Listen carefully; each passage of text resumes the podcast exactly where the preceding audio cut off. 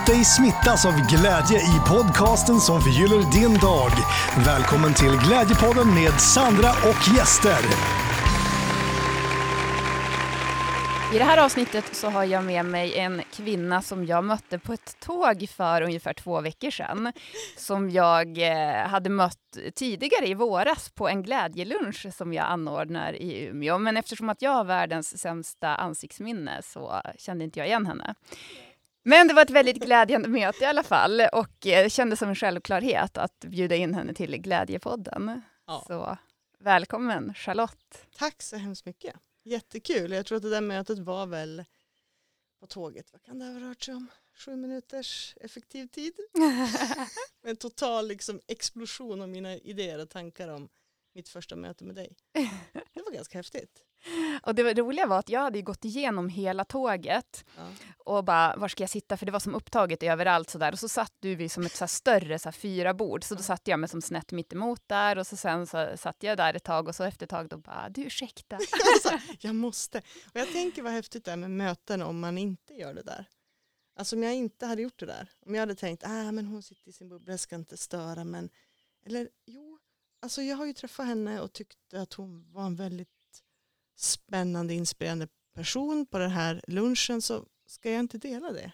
Mm, Alltså tänk, vilken skillnad. mm.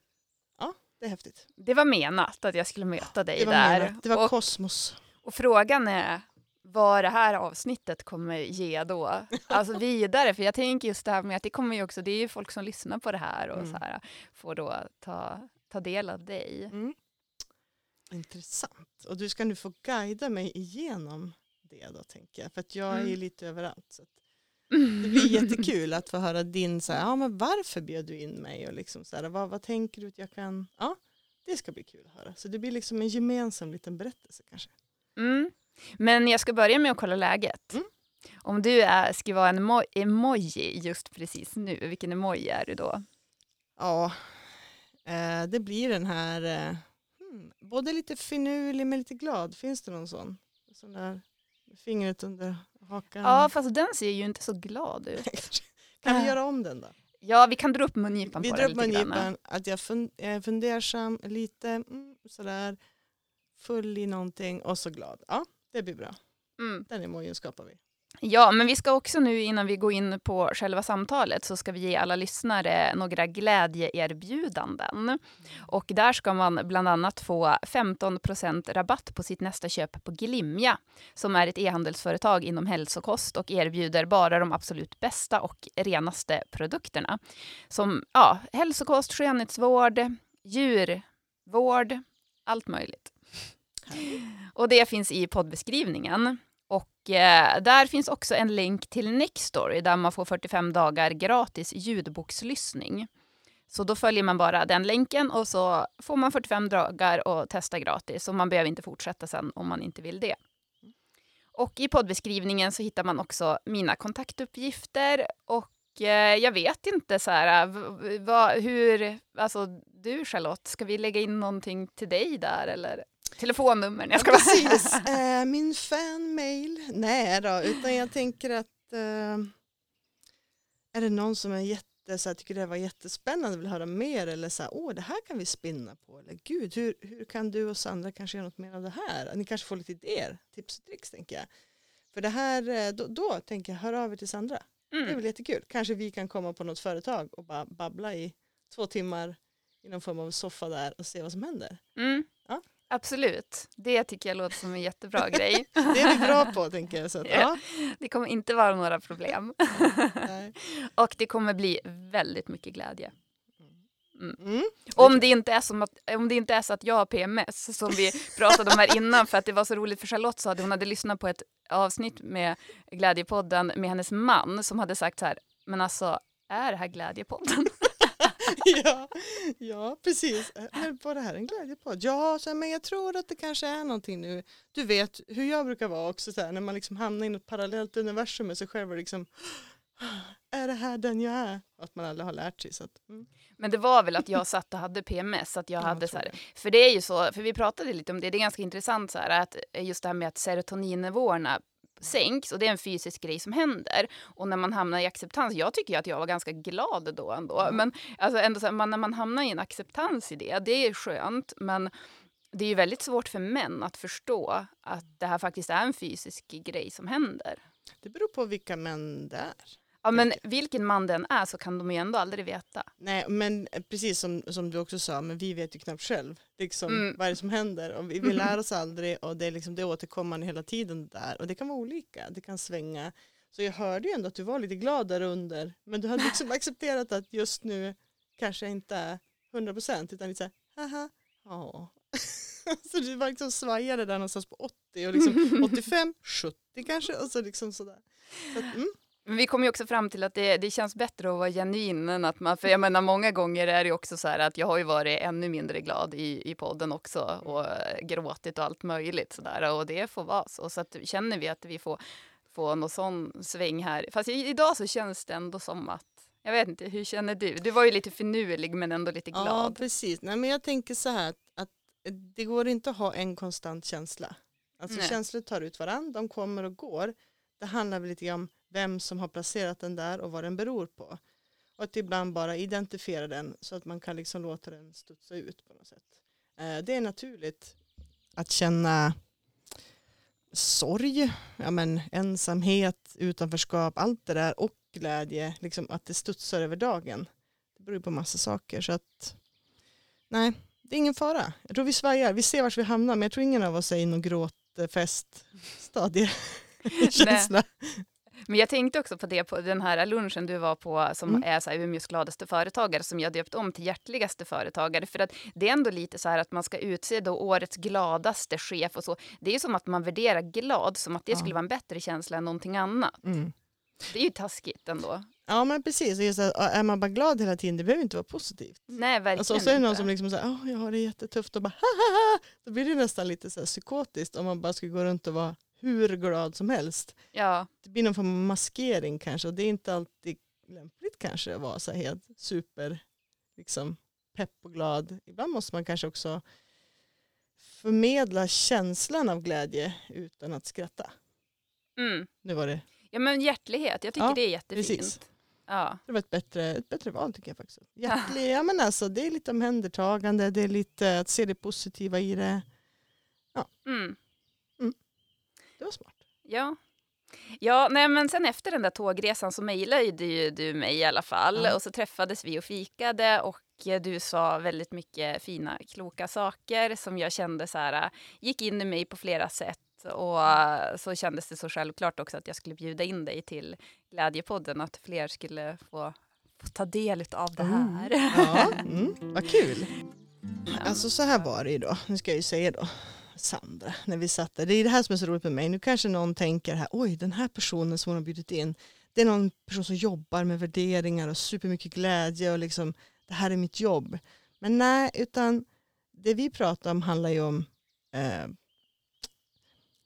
vem man är och hur man, alltså det här med att, att eh, inte bara prata om vad du tycker och tänker och säger till andra utan hur du upplevs och hur du agerar. Mm. Eh, jag tror det var det vi kom in på ganska mycket. Där var väl någonstans den här lilla tråden vi följde och så hamnade vi in i relationer och så började vi prata om det här med att vara det egna varumärket och hur viktigt det är.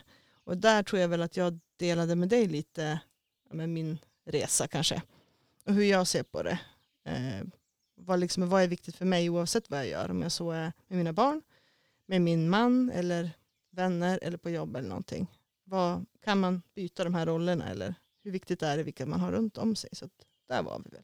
Tror jag. Mm, och precis, och så sen att det är viktigare hur man beter sig än vad man säger. Det tycker mm. jag var så himla fint uttryckt. Mm. Men också hur det kan påverka andra och hur att egentligen allting vi gör styrs av våra erfarenheter och våra relationer. Och att det kanske aldrig spelar någon roll hur många gånger du byter ett jobb för det var inte där det satt utan det handlade mer om hur du blev bemött eller ja, vad var liksom kärnan där du jobbade eller de du mötte, de du hade runt dig. Vad, vad fick de dig att känna och uppleva? Och när man börjar förstå det sambandet eh, och börjar förstå att ibland applicerar andra människor sina känslor på dig. Mm. Eh, när man lär sig se det kan man liksom skala av och kanske hitta de här sanna individerna.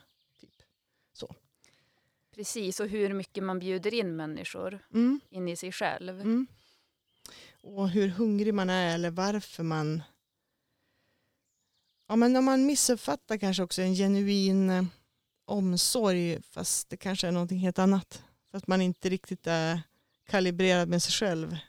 Vad är omsorg för mig? Pratar vi samma språk? Det Mm. kanske, lite så här, pratar vi samma språk?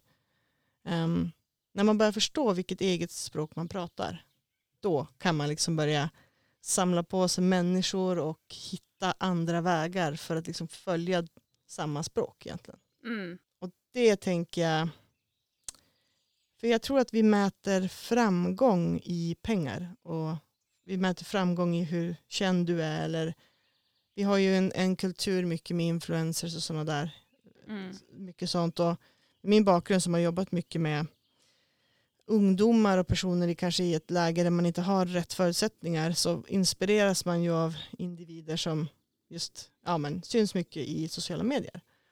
Eh, men det jag vet av de historier jag har hört liksom genom de ja, nästan tio år jag har träffat personer i som lever lite utanför har kanske tunga drogmissbruk och liknande. Det är ju den här känslan av ensamhet och att du söker alltid ett svar. Du söker någon att se upp till. Du söker liksom att wow, om jag gör som den här individen då kommer jag bli lika glad. Allt det där.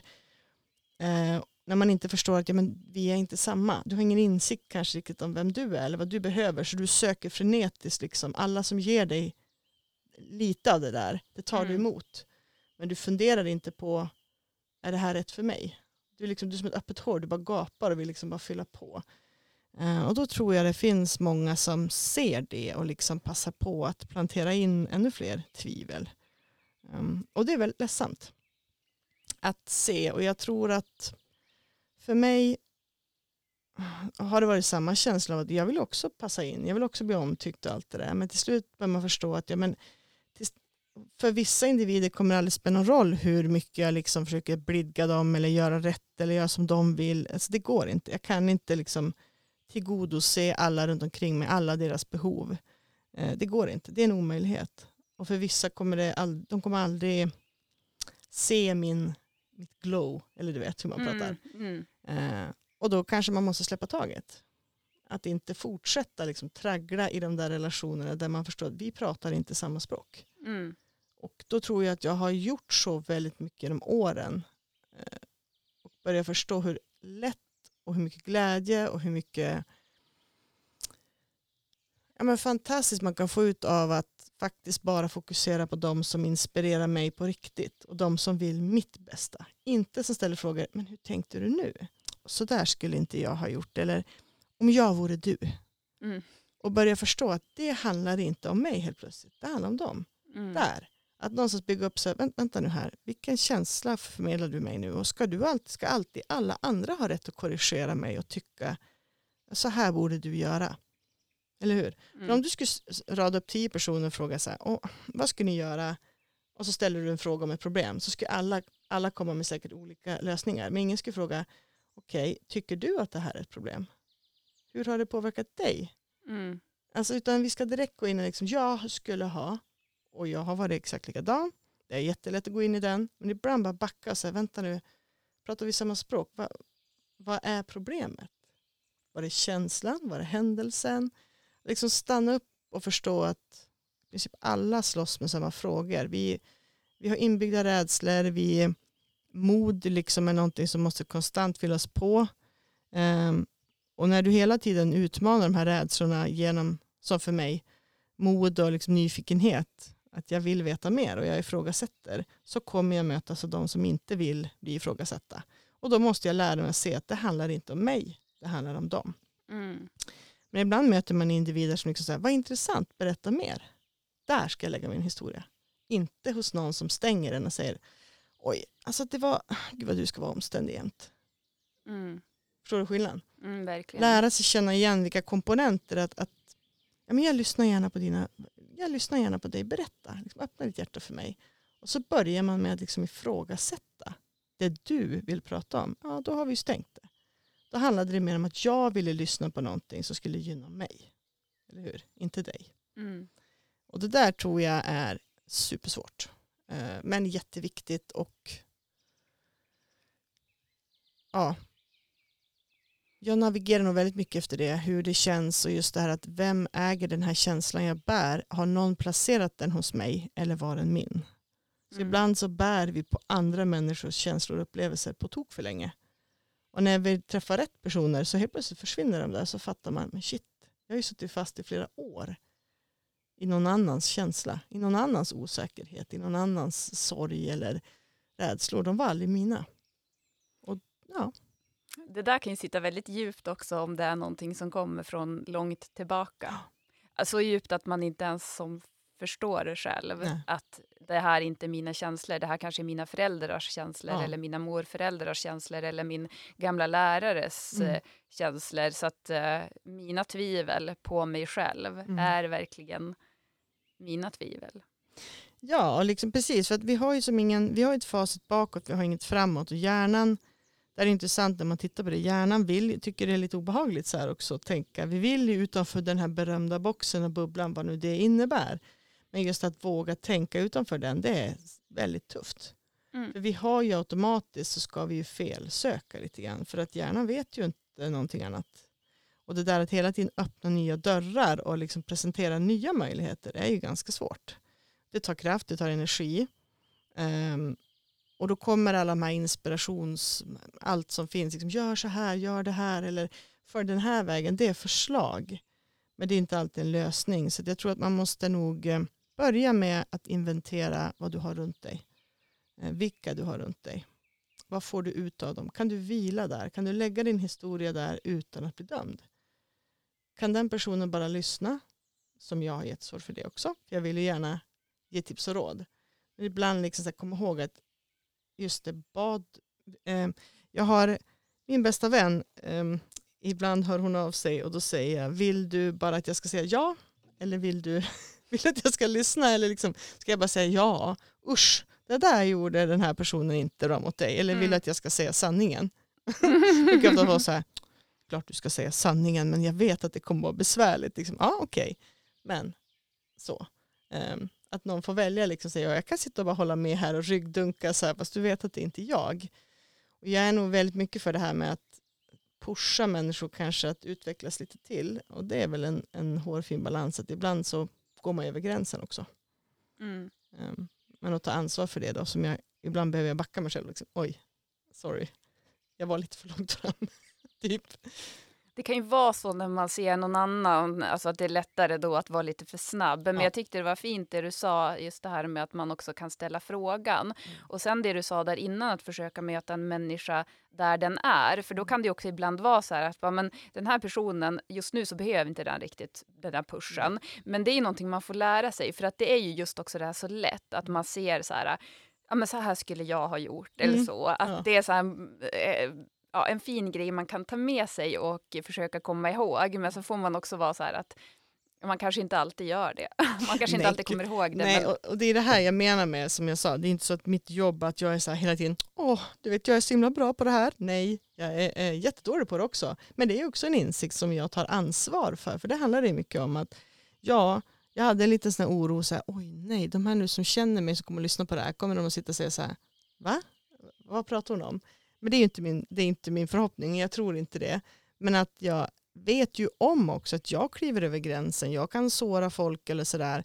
Men att kunna också identifiera det, det blir som en titt, titt, titt i min hjärna, så att oj, oj, vad var frågan här egentligen? Hur kom det sig att, handlar det här samtalet om dig eller mig nu? mm, Just det, backa. Och det är också en insikt, så att man ska ju inte tänka heller att man inte får begå misstag. Men Nej. att ta ansvar för det och liksom så här, mm, nu kände jag att det var tokigt. Inte bara lämna det, så här, ja ja, den här, eh, ta inte illa upp nu. Mm. klassiker, du, Mm. du, ta inte illa upp nu.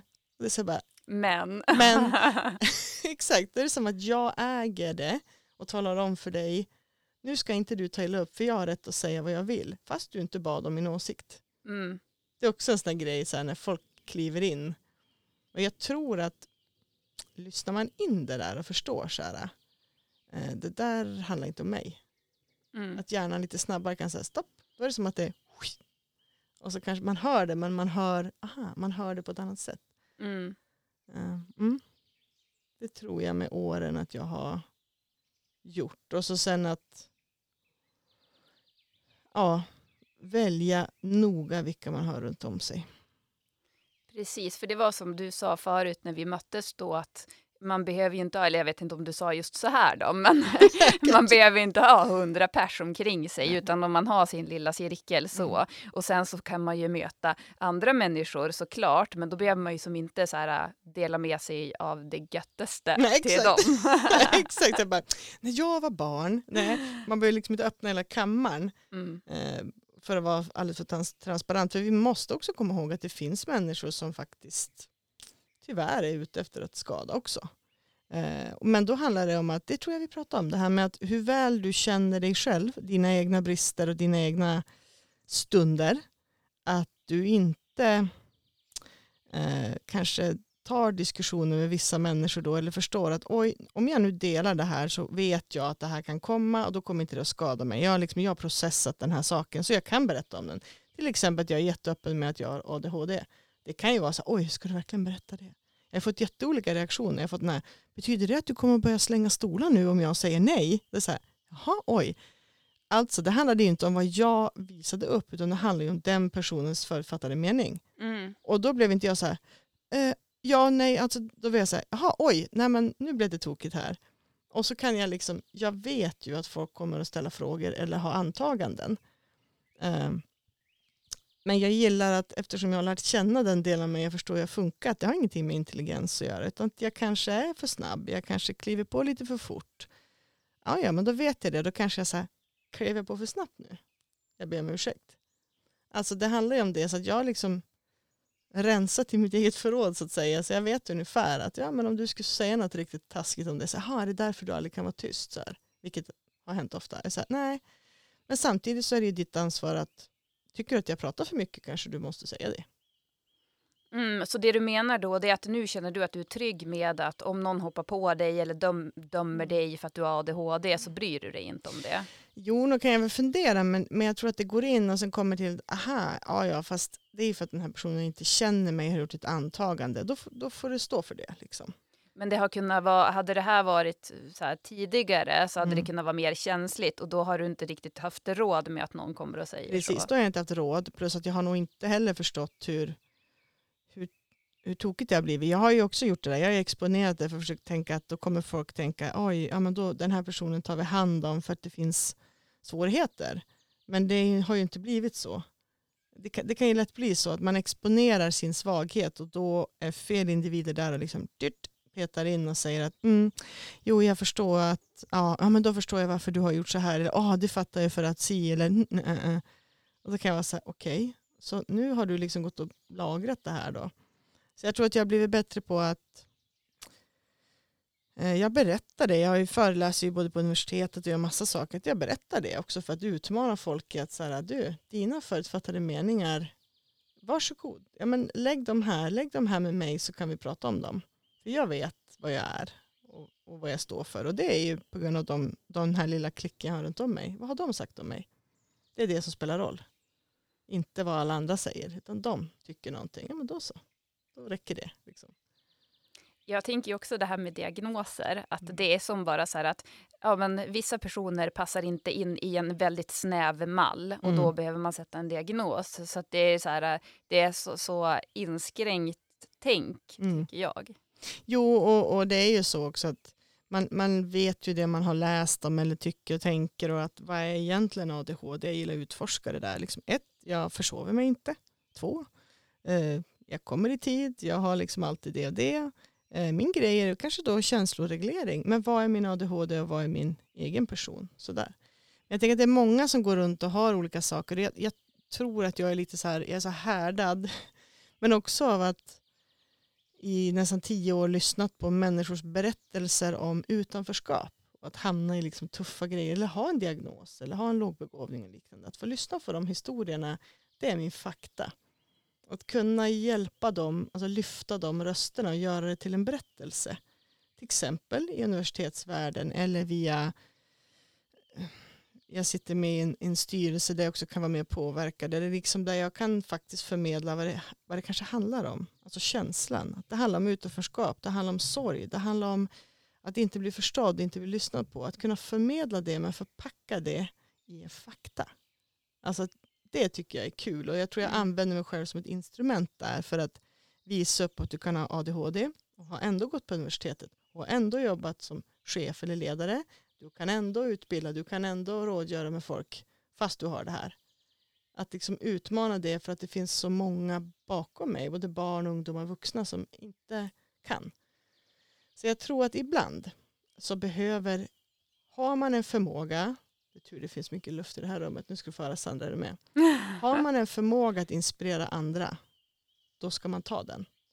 Och det kommer att kosta. Alltså, som för mig tänker att om jag kan ställa mig framför folk och berätta om det här och de kommer att se på mig sämre, liksom, okej. Men då är jag beredd att utmana det för att det finns andra som behöver att min röst kommer fram. Mm. Så det tänker jag, det är nog så jag ser, ser på mig själv.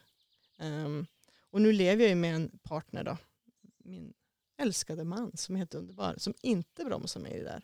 Mm. Som inte ser mig som labil eller på något sätt så här, som galen utan så här, wow, vad häftigt att du faktiskt, jag öppnar dörrar för honom. Jag utmanar hans tankar, jag utmanar hans sätt att se på sig själv och liksom det här med att om jag törs så törs du. Och det är det jag vill förmedla. Mm. Och det är glädje för mig. Jag liksom skakar den där bikupan lite så här. "Äh? Äh, äh, äh, äh." Uppfinna ny emoji eller ja, nej, det tycker jag är kul. Men ingen, ingen glädje kommer utan sorg, så är det ju. Så det tänker jag också att folk ska komma ihåg att bara för att vi pratar om det här nu så är inte jag varje dag så här som ett teflon liksom ting, ting, ting. Nej, nej. Det tar. Men att Mm. också våga visa upp det. Var ledsen, det kan jag också vara. Jag grät framför mina kollegor häromdagen. Eh, för att jag känner att ja, men alla har ju de här känslorna. Mm. Om någon då kommer att liksom peta ner mig för det, ja men då står det för dem. Och de äkta personerna kommer säga, oj, gud vad, vad tufft att du visar upp det. Men då tar vi hand om dig. Mm. Det är fint. Mm. Vi stärker varandra. Ja. Ja, där var vi. Typ. Ja, nej, nej men så, så känner väl jag. Just det här att jag tror jag tog det med dig att när vi var små så hade vi ju våra föräldrar som var någon form av referensram som hjälpte oss och vi, ja, men vi läste böcker om mod och allt det där. Vi liksom var så här, du ska våga lysa garderoben, du ska våga det där, liksom utmana det. Så blir vi stora och så tappar vi lite av det där tänker jag. För vi är ju faktiskt, vi har samma känslor nu som vi hade när vi var små. De har inte växt bort eller så. Det är fortfarande läskigt att titta under sängen om man nu omvandlar det till att byta jobb kanske. Eller byta relation. Det är jätteläskigt och vi har inte längre någon som kanske vi håller i handen. För när vi var små så var vi väldigt så här att de vi såg upp till var ju de vuxna. Mm. Eh, och då, då hade vi den referensramen, liksom, det, det var det vi, vi gjorde. Vi hade också begränsad förmåga att förstå att de hade utmaningar. Jag brukar tänka på det att när mina barn totalt skiter i, liksom när jag är less och bara kör sitt barnrace och gapar och stojar och lever om. Och så kan jag känna så här, gud vad jobbigt det är med barn. Men samtidigt tänker jag, gud så underbart att de skiter fullständigt i vad jag är i för mode. Alltså de Mm. skiter i det för de är barn. Mm. Och då tänker jag, ja, men då har jag ju lyckats på något sätt där. De, de, de beter sig hur som helst ändå, oavsett. De går inte på tå. Liksom. Nej, precis. ja. Mm. Eh, Så jag tror att, ehm, men de vet ju inte vad jag sitter med för tankar och funderingar på dagarna. När jag sa liksom att jag skulle vara med i en podd, vad är det för någonting? Varför då? Ja, Mm. eh, jag vet inte. typ, ja, vad gör du på dagarna? Ja, du vet. Eh, Så jag tänker att vi, vi behöver tänka på det när vi blir stora också. Vi behöver leka, vi behöver skratta, vi behöver ha fel. Vi behöver få krypa till någon och säga, kan du hjälpa mig lysa under sängen? Mm. Jag törs inte. Ehm, och när vi var små så var vi så här, så där gör man inte, man är inte taskig mot någon, man säger inte så där liksom. Om du tycker om någon ska du inte gå och dra dem i håret utan gå och säg det istället, du vet. Så varför slutar vi peppa varandra när vi är vuxna? Mm. Och ja, och att man får vara som en hel människa som du förklarar det så fint nu. Mm. Ja, att man svajar i det och att man, man måste också få ha kul. Jag Mm. tänker att intelligens är ju att kunna skratta också och ha, ha roligt och flamsa. Eh, och jag vill nog aldrig heller slipa bort den, för det är också en förmåga enligt mig att ha den. För det är Mm. också en sårbarhet, att kunna visa upp liksom flamset och att kunna växla från flams till superseriös. Men vi har aldrig sagt vad du jobbar med. Nej. Eh, jag jobbar med, ja, det har jag gjort i flera år men nu hamnar jag på andra sidan. Jag jobbar med beroende skadligt bruk, ohälsa kopplat egentligen till alkohol, narkotika, spel. Eh, så. Och jag pratar just ofta om ohälsan och nu är jag inom arbetslivet alltså där man vill stötta sin personal och man vill lära sig mer. Men tidigare jobbade jag mot eh, mer personer som var så riktigt i utkant eller så, placerade barn, vuxna, tunga beroenden eller avvikande beteenden, kriminalitet. Eh, jag har mött många där man samlar upp små historier tror jag. Och det är de historierna som tror jag har gnuggat till med att så här, vet ni vad, vi måste kanske sänka nivån på det här med vad är det vi tycker är viktigt och man, man får ett helt annat perspektiv på livet. Mm. Eh, så att de historierna skulle jag säga, alla de jag har mött har nog lagt grunden för att jag har vågat utveckla mig själv. För det finns individer som, som har det, det vi tycker är tufft, eller det jag kanske upplever som tufft är ingenting, om du skrapar på ytan. Att kanske bli lite medveten så här, i, oj då, aha, det var inte så farligt. Mm. Eh, min förra kollega, där har vi en sån grej, när man blir upprörd för att det inte finns glassbåtar på en viss butik när man åker på fiskeresor, samtidigt som man har mm. överlevt ett tungt heroinmissbruk tidigare. Mm. Så då blir det så här kontrasterna som vi ibland kunde sitta och prata om när man sitter och skrattar.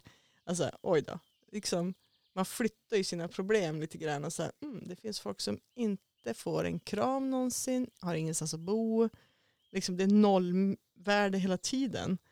Eh, så jag tror det också gör att jag har en viss, jag kan ha låta väldigt hård kanske, eller vara ganska grov i mina skämt. För att jag har varit i en värld där, där man inte pratar bara akademiskt språk, man pratar verkliga värden. Mm. Och att få, få lyssna på de här berättelserna och kunna binda ihop dem och ta dem vidare för att andra ska förstå. Det, det tycker jag är häftigt. Så jag tror där, där kommer det ifrån att vet du vad, vissa, vissa lever på plus minus noll, vissa lever på minus, vissa kämpar på, vissa hör vi aldrig. Um, ja, och de berättelserna är ju det som ja, har vävt ihop mig. Tänker jag. Mm. Lite så.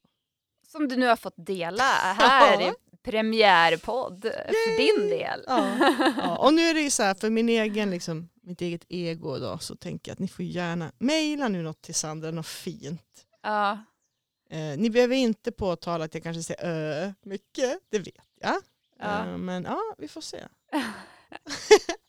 Nej, sådana, såna, såna detaljer behöver man aldrig påtala. Ja, nej men det är alltid härligt med feedback för det var faktiskt det också som jag kände så här, som gjorde så mycket för mig när jag träffade dig på tåget. Att du gav mig väldigt fin feedback och jag är inte så van att få höra så mycket så här, som till exempel då det här nätverket att bara, men det är faktiskt folk som uppskattar det. Mm. Jaha, där går man som, omkring i sin egna så här ja, men sina egna utmaningar med allt vad det innebär och så. Och så sen så får man höra att bara, ja men någon, någon eh, har, har, fått med sig någonting och Ja, och det, det, var faktiskt det, för det var ju första gången jag, jag, jag såg en annons och jag tänkte, vad är det här för någonting spännande? Liksom, när man är i, jobbar mycket, man, man, jag tror jag sa till dig att det är väldigt få kanske företagare eller entreprenörer eller egna chefer som har ett, ett nätverk där vi får prata. För när man har själv varit chef och ledare så har man mycket, ja men det är APT och det är husmöten och det är medarbetarsamtal. Men där man liksom konstant om man ska guida andra. Men det, man, man, kan bli ganska ensam. Så att komma på den där lunchen var så otroligt häftigt för att vanligtvis när man möter företagare så pratar man om, när man pratar om utmaningar så pratar man om ekonomi. Eller oj, det här utvecklingssaker. Men helt plötsligt satt jag i en lokal där ingen pratade om det. Mm. Och det var häftigt att få sitta. Jag blev liksom varm i hela kroppen, avslappnad samtidigt. Och hur du på ett sätt guidade oss liksom genom det där utan att du riktigt visste det. Och då tänker jag att du har den förmågan och då kände jag att nej, men jag kan inte låta det här tillfället gå förbi att jag inte ger det till dig. Nu blir jag nästan lite så tårögd. Ja, men jag med. ja, men det är det jag menar. För det, jag tänker just som vi pratade om att glädje är inte kostnadsfritt. Glädje, mm. Din glädje kommer ju också från ett hårt jobb. Och ska inte jag ge dig då ett litet kvitto? Men det var en tjej som var med, jag undrar om jag har sagt det här i podden tidigare, men då, då upprepar jag mig. Men det jag kan säga det, för jag tänker också alla som lyssnar och så.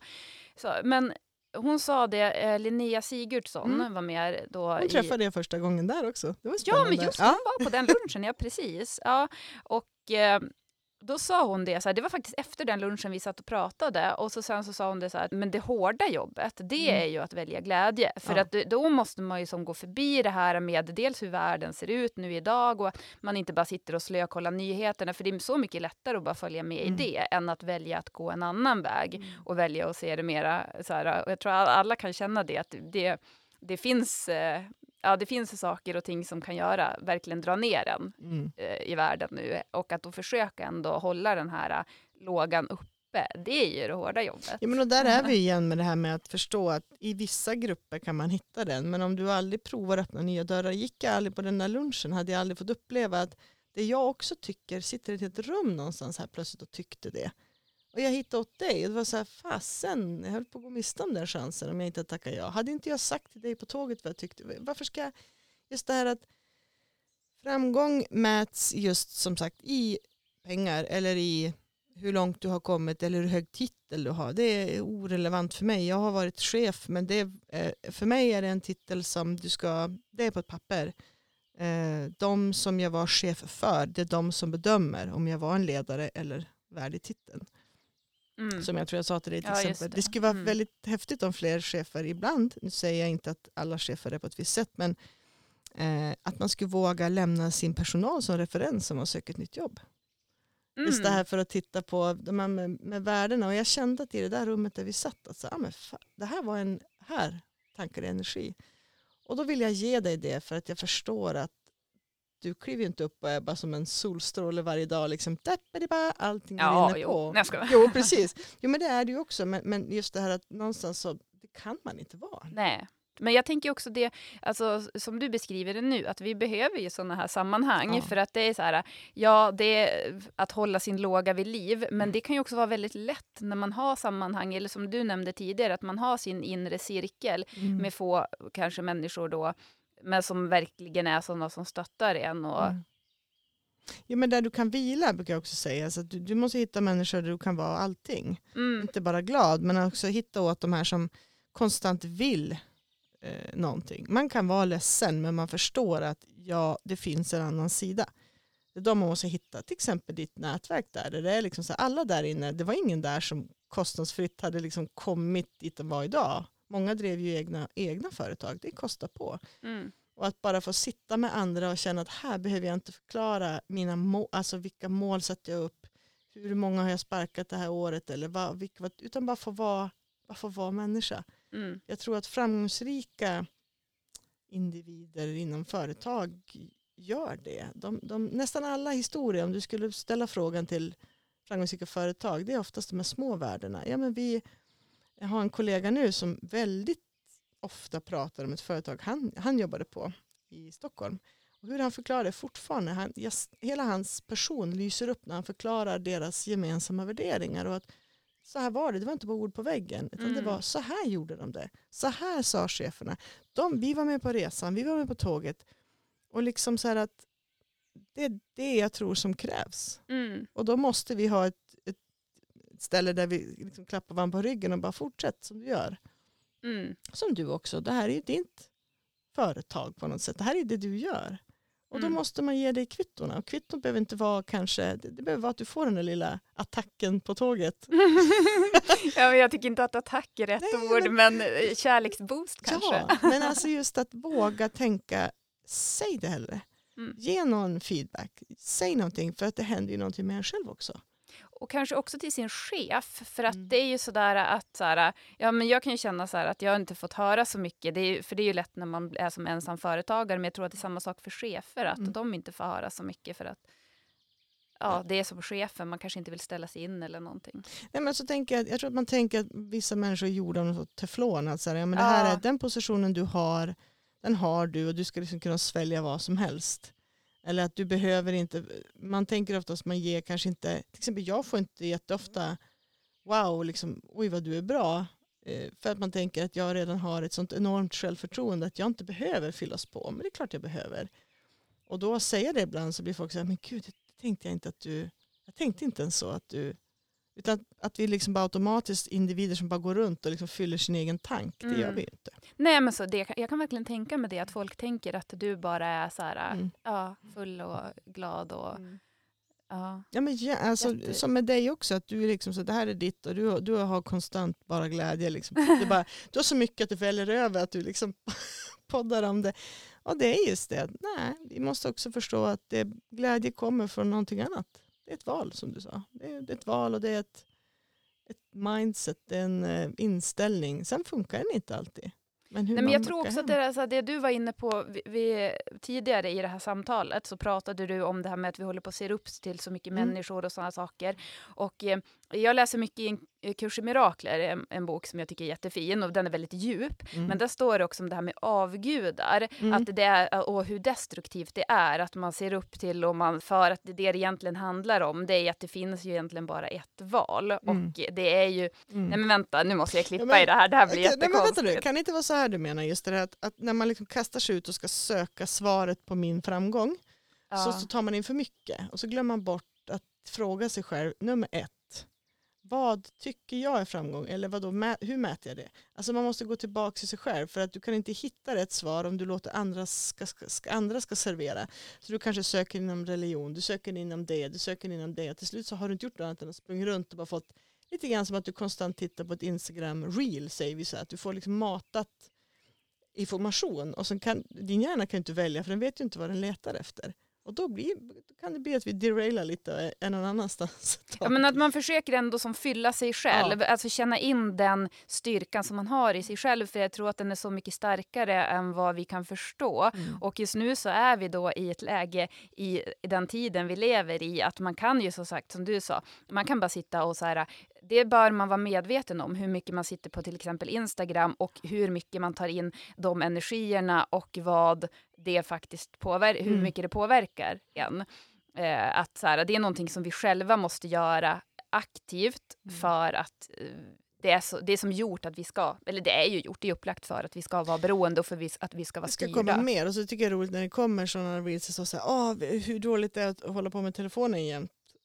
Då blir man så här, ja men säger du på en app på en telefon. Mm. Att just det, vi måste också komma ihåg vad är vinningen för den här personen som säger vissa saker.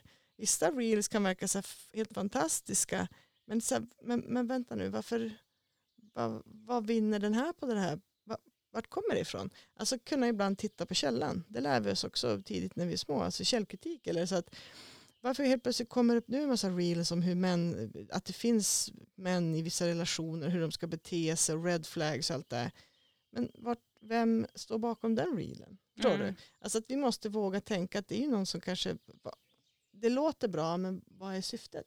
Börja ifrågasätta lite. Ja, exakt. Och eh, en erfarenhet som jag har det är att väldigt mycket som låter bra, det kanske ändå inte är så att det där källan som det kommer ifrån, att det är någon som lever i Precis. hjärtlighet. Exakt, utan att man utnyttjar ett läge som finns i samhället till exempel. Ja, Nu och för- förmedlar någon form av information. Men det är som du sa då, att det är viktigare hur man beter sig än Mm. vad man säger. Och det där vet vi inte. Det är så otroligt mycket som vi inte vet. Nej.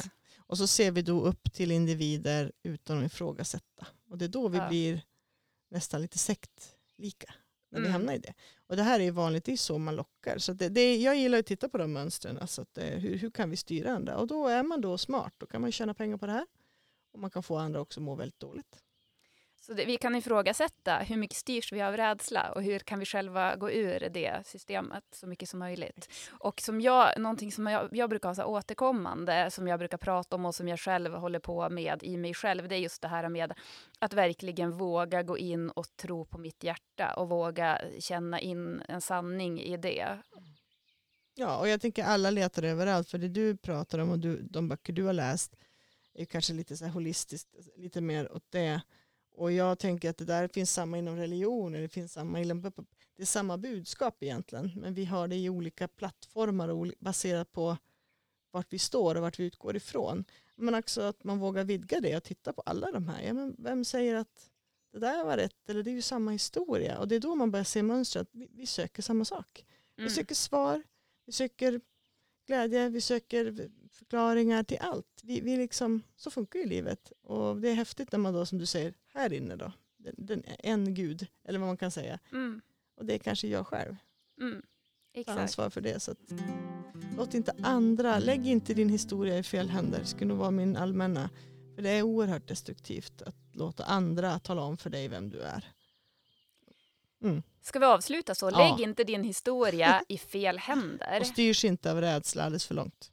Mm, Rädsla är ofta den begränsningen vi har för att komma vidare.